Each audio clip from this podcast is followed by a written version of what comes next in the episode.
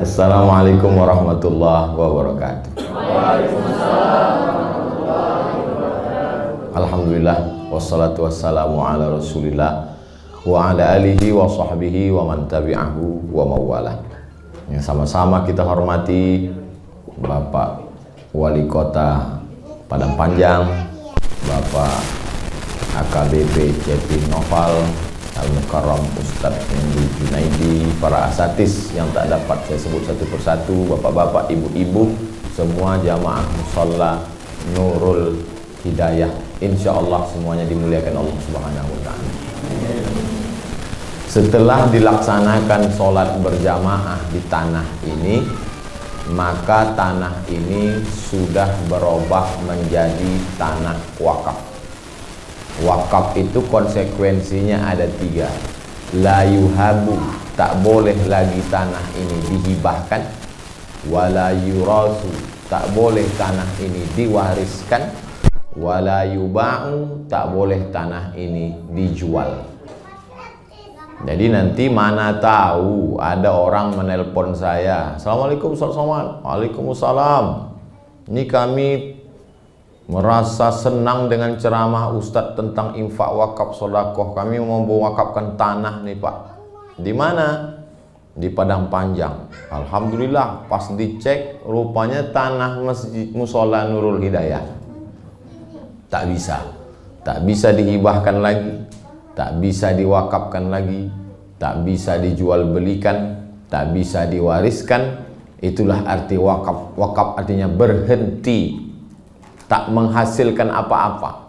Tanah yang kanan menghasilkan karena buat perumahan. Tanah yang lain menghasilkan karena ditanam-tanami. Tapi andai di tanah ini luas, di sampingnya ada tanah kosong, lalu tanah kosong itu ditanami ubi, ditanami sayur, maka hasil dari ubi dan sayur itu juga menjadi wakaf.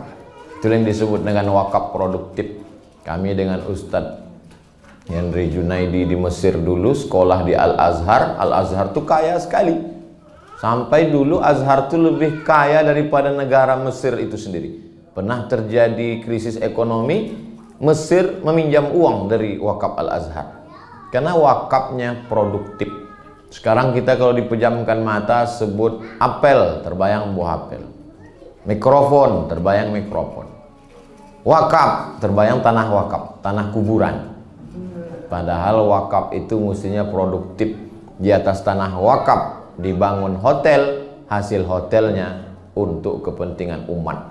Di atas wakaf dibangun ruku, hasil ruku. Pengelola wakaf boleh mengambil keuntungan dari wakaf, tapi tidak lebih dari 10%. Itulah sekarang sedang digalakkan namanya BWI, Badan Wakaf Indonesia. Dan bisa dikelola wakaf ini disebut dengan wakaf tunai.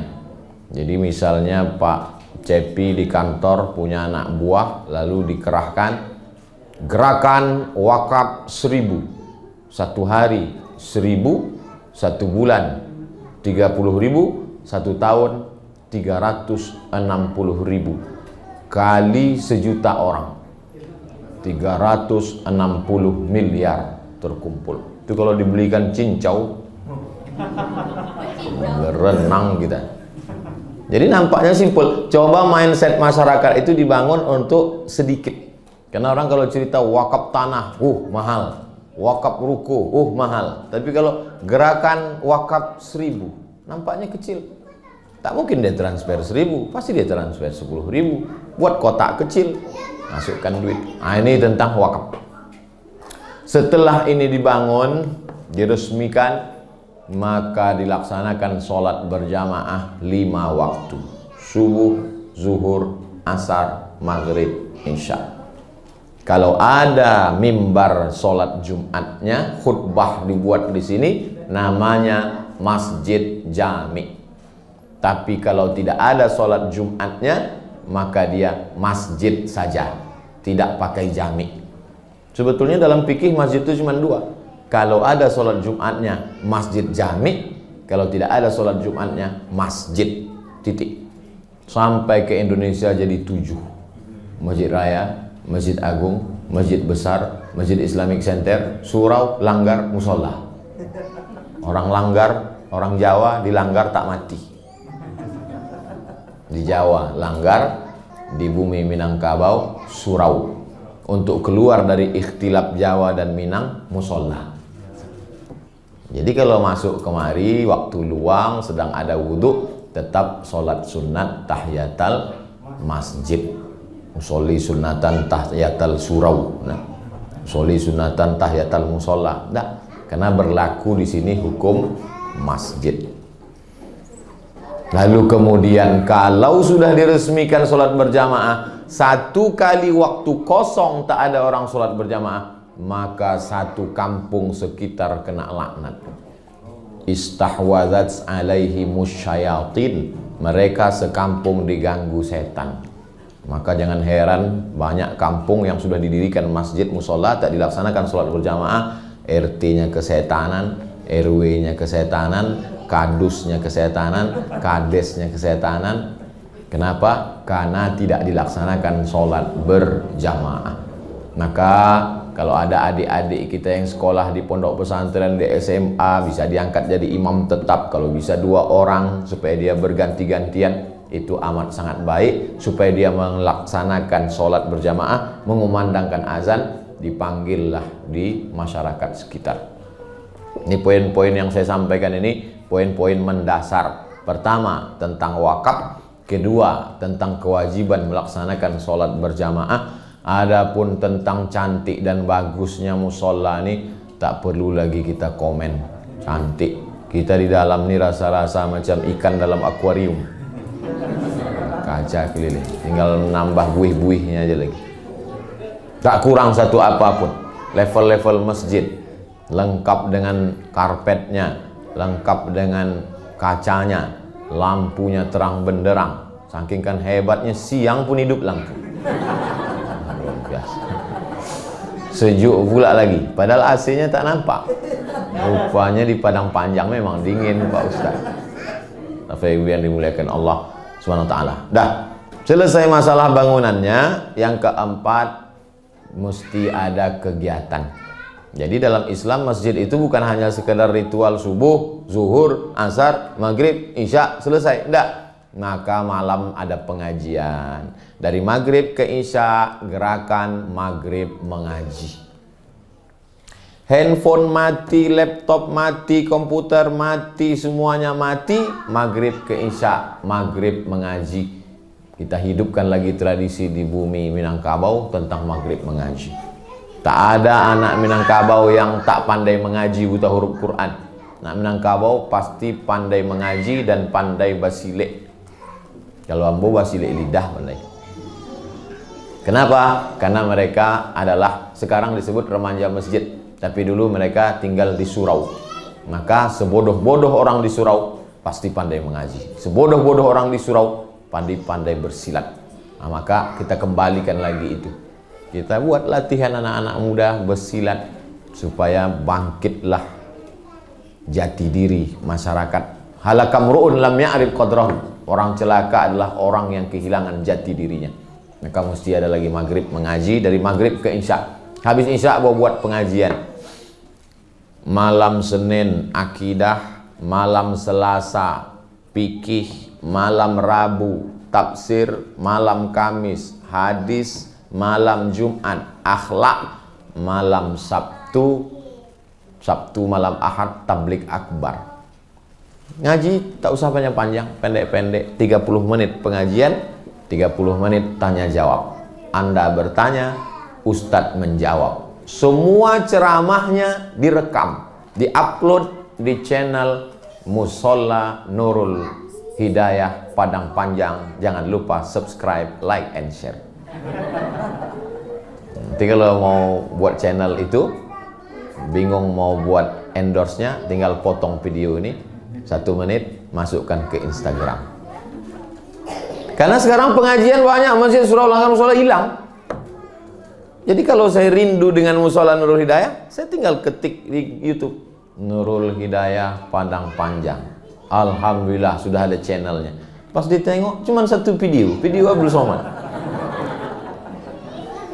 Jadi orang-orang Padang Panjang yang rindu dengan kampung halamannya, waktu dia ketik di situ Padang Panjang, keluarlah wisata Padang Panjang, pesantren Padang Panjang, kunjungan Pak Wali Padang Panjang. Nampaknya ada satu, Musala Nurul Hidayah. Diceknya, oh udah ke ke rumah kampung amak nenek mama awak mengobati kerinduan mereka. Dia dengar ceramahnya, mengalir pahalanya. Ini penting. Karena zaman milenial, zaman media, kalau tidak kita ikuti perkembangan ini, habis. Ulama dulu memang tidak berceramah, tapi mereka menulis kitab. Tulisannya dicetak sampai hari ini buku Buya Hamka. Buya Hamka pun ceramahnya lewat radio. Maka rekaman suara Buya Hamka di YouTube, cobalah ketik ceramah Buya Hamka. Tak ada videonya, tapi suara MP3 Buya Hamka. Nah, ini kita jaga ceramah-ceramah.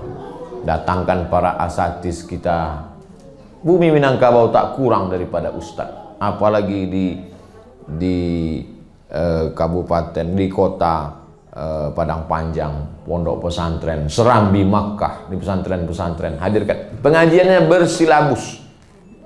Bersilabus kalau ngaji fikih dari mulai cara bersuci, air suci mensucikan. Karena kalau fikihnya tidak selesai, sholat tak diterima Allah. Maaf, maaf, beribu maaf. Bagaimana sholat diterima kalau bab ceboknya tak selesai? Tak diterima sholat. Bagaimana maaf, maaf cakap darah haid, darah nifas, darah. Nah, maka itu wiladah. Nah, ini semua bahas. Kalau di tablik akbar saya tak bisa menjelaskan itu. Tablik akbar itu umum saja. Tapi kajian di masjid kalau dibuat 40 tatap muka hadis-hadis pendek, hadis arba'in. 40 tatap muka surat-surat pendek dari surat Ad-Duha supaya anak-anak kita waktu sholat dia paham. Anak-anak di musola, di masjid mesti dibawa. Makanya kadang banyak bapak ibu risau menengok anak-anak. Saya sampai hari ini tak pernah marah kepada anak-anak di musola, di masjid. Kenapa? Kalau di musola di masjid masih banyak anak-anak, itu membuktikan musola Nurul Hidayah 20 tahun akan datang tetap ramai sholat berjamaah. 2020 ditandatangani, 2040 masih ramai. Siapa yang akan sholat di sini?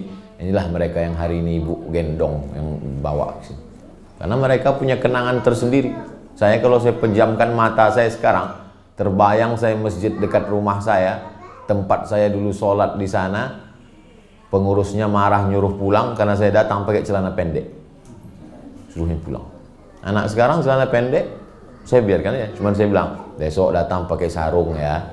Kalau pejam mata sekarang terbayang saya kalau sore-sore jam 6 dari rumah datang ke masjid dekat rumah orang tak ada masuk saya ke dalam kayu besar yang lubangnya di tengah dikasih kulit kambing beduk kata orang Jawa.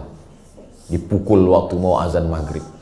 Jadi permainan kita dari rumah ke masjid itu itu berkesan sampai tua sampai mati. Makanya anak-anak kita dibawa ke masjid. Sore-sore hari Jumat pengajian khusus ibu-ibu. Karena banyak masalah ibu-ibu yang segan ditanyakannya ketika ada bapak-bapak.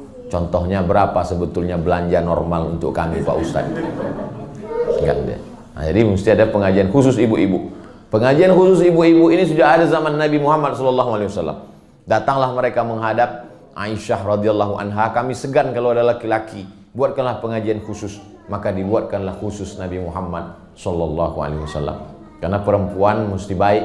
An-nisa imadul bilad. Bukan hadis Nabi. Kata-kata hikmah. Perempuan tiang negara. Kalau mau baik negeri ini, perempuannya baik, insya Allah anak-anak kita pun semuanya menjadi baik, insya Allah. Apa pelajaran yang bisa kita ambil dari musola Nurul Hidayah ini? Ini didirikan kerjasama berbagai komponen masyarakat diketuai Pak Cepi Noval.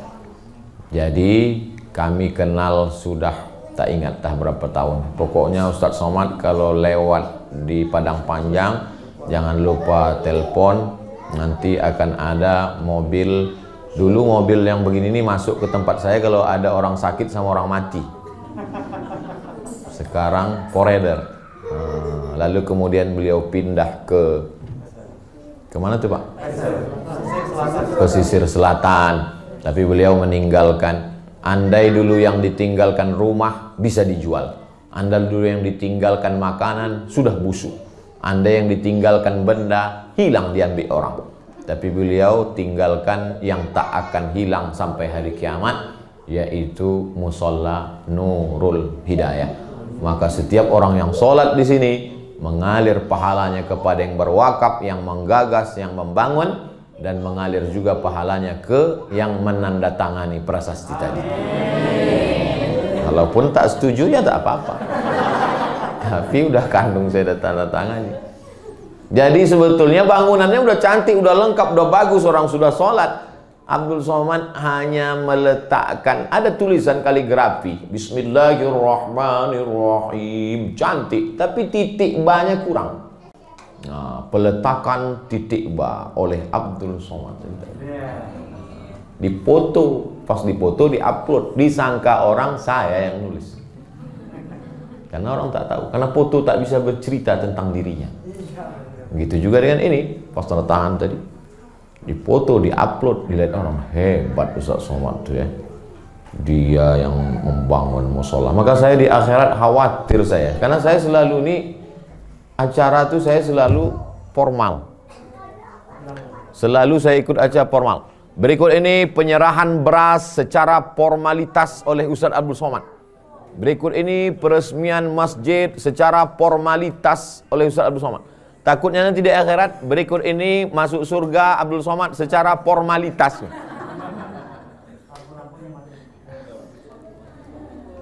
Saya kalau ceramah mati lampu itu saya tak risau karena suara saya beda-beda tipis saja sama mikrofon. Nah, Pak Ibu yang dimuliakan Allah Subhanahu wa taala, itulah tujuh poin yang saya sampaikan pada kesempatan ini. Ah, udah mau ditutup tadi. Ada pula. Hmm? Itu hebatnya musola Nurul Hidayah.